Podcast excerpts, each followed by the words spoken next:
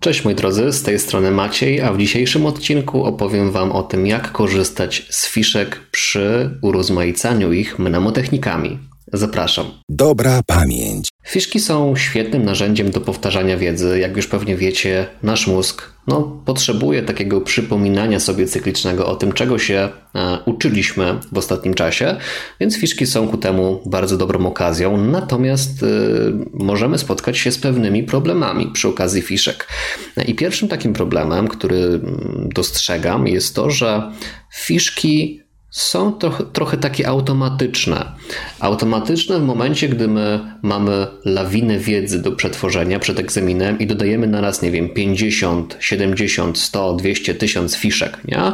W ciągu godziny przerobiliśmy kupę fiszek i tak naprawdę w momencie, gdy dodaliśmy nasz zestaw, czy to do Anki, czy to do Quizleta, czy to papierowe zestawy, już w ogóle zapomnieliśmy o czym była ta pierwsza fiszka, nie? I zauważyłem, że to może powodować pewne komplikacje.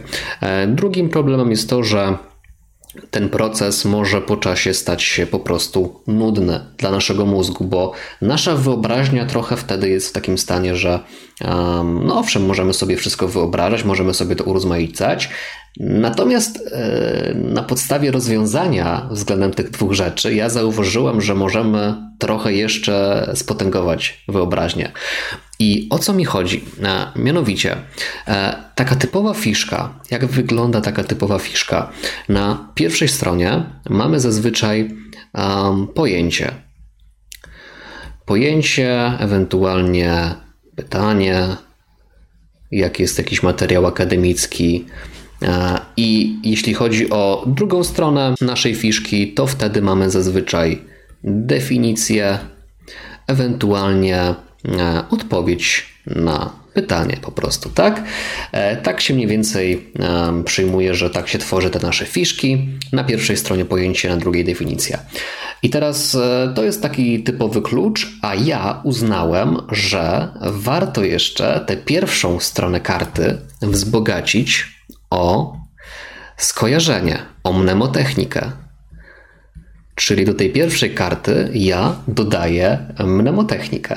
E, to ma formę takiej podpowiedzi, czyli na przykład mam jakieś słówko, Um, wymyślam do niego skojarzenie i to słówko ze skojarzeniem, powiedzmy, że słówko w języku polskim ze skojarzeniem są na pierwszej karcie, na drugiej karcie jest słówko w języku angielskim, załóżmy, tak? Zauważyłem, że kiedy mam problem z odtworzeniem odpowiedzi lub definicji na podstawie tej pierwszej karty, mm, to brakuje mi takiego rozwiązania pośrodku i właśnie świetnie wtedy sprawdza się e, ta nasza mnemotechnika, bo ona jest takim mediatorem pomiędzy pojęciem a definicją. Ja na nią zerkam, na, te, na to skojarzenie, na ten obraz, w momencie, gdy na podstawie pojęcia i pytania nie mogę dojść do tego, wydobyć e, z tego mojego mózgu tej informacji, jaka tam była treść. Ok?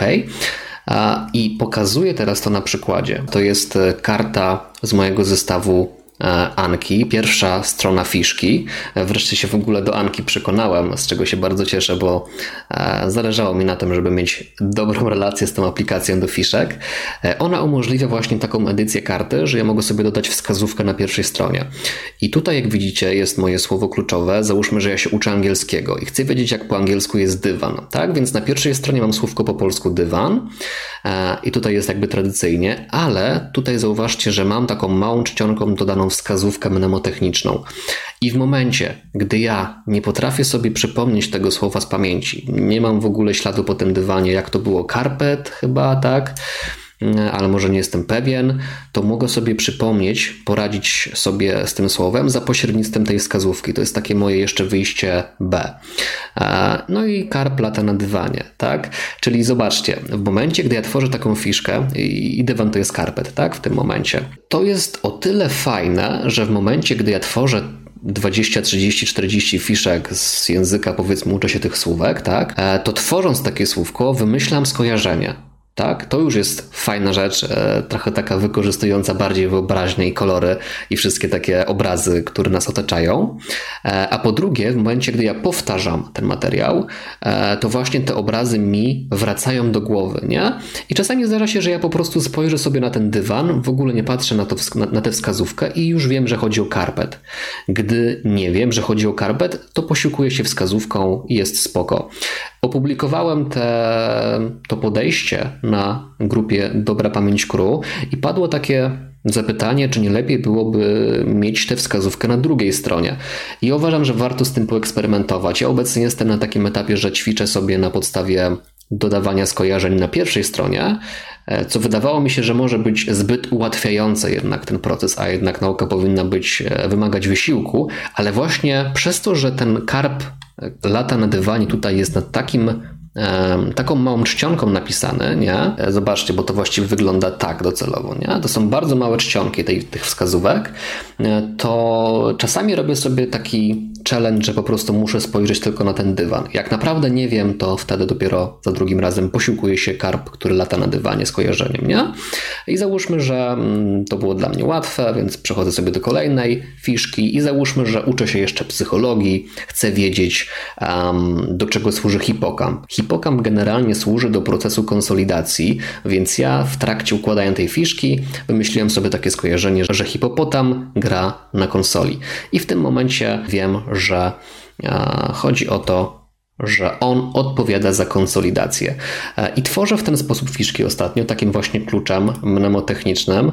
E, uważam, że działa bardzo ciekawie. E, jestem ciekaw tak naprawdę rezultatów po jakimś dłuższym eksperymentowaniu, ale zachęcam Was do spróbowania wzbogacenia Waszych fiszek, bo myślę, że, że warto. Czyli generalnie podsumowując, umieszczamy sobie na pierwszej stronie pojęcie, pytanie plus mnemotechnika na drugiej tradycyjnie odpowiedź. Ja polecam używać e, programu Anki, bo macie tam pełną możliwość edycji. W Anki też wiem, że jest taka opcja, przynajmniej gdzieś tam mi e, przeszło przez oczy, że można te wskazówki e, wywoływać przyciskiem czyli nie musimy ich mieć na ekranie, tylko możemy je wywołać przyciskiem w momencie, gdy chcemy się wspomóc taką wskazówką. Możemy coś kliknąć i nam się pokaże, więc to jest też fajna opcja, żeby nie mieć takich podpowiedzi od razu na, e, przed oczami. Myślę, że warto poeksperymentować, czy to z waszym językiem obcym, czy to z waszym przedmiotem na studiach. Dajcie znać, czy też korzystacie z Anki, czy też korzystacie z takich wspomagaczy. Mnie się ostatnio sprawdza i będę testował dalej. Może zobaczę, jak też to działa z drugą stroną. Na razie zostaję na pierwszej. To z mojej strony było na tyle w tym materiale. Dzięki bardzo za oglądanie i do zobaczenia. Dobra pamięć.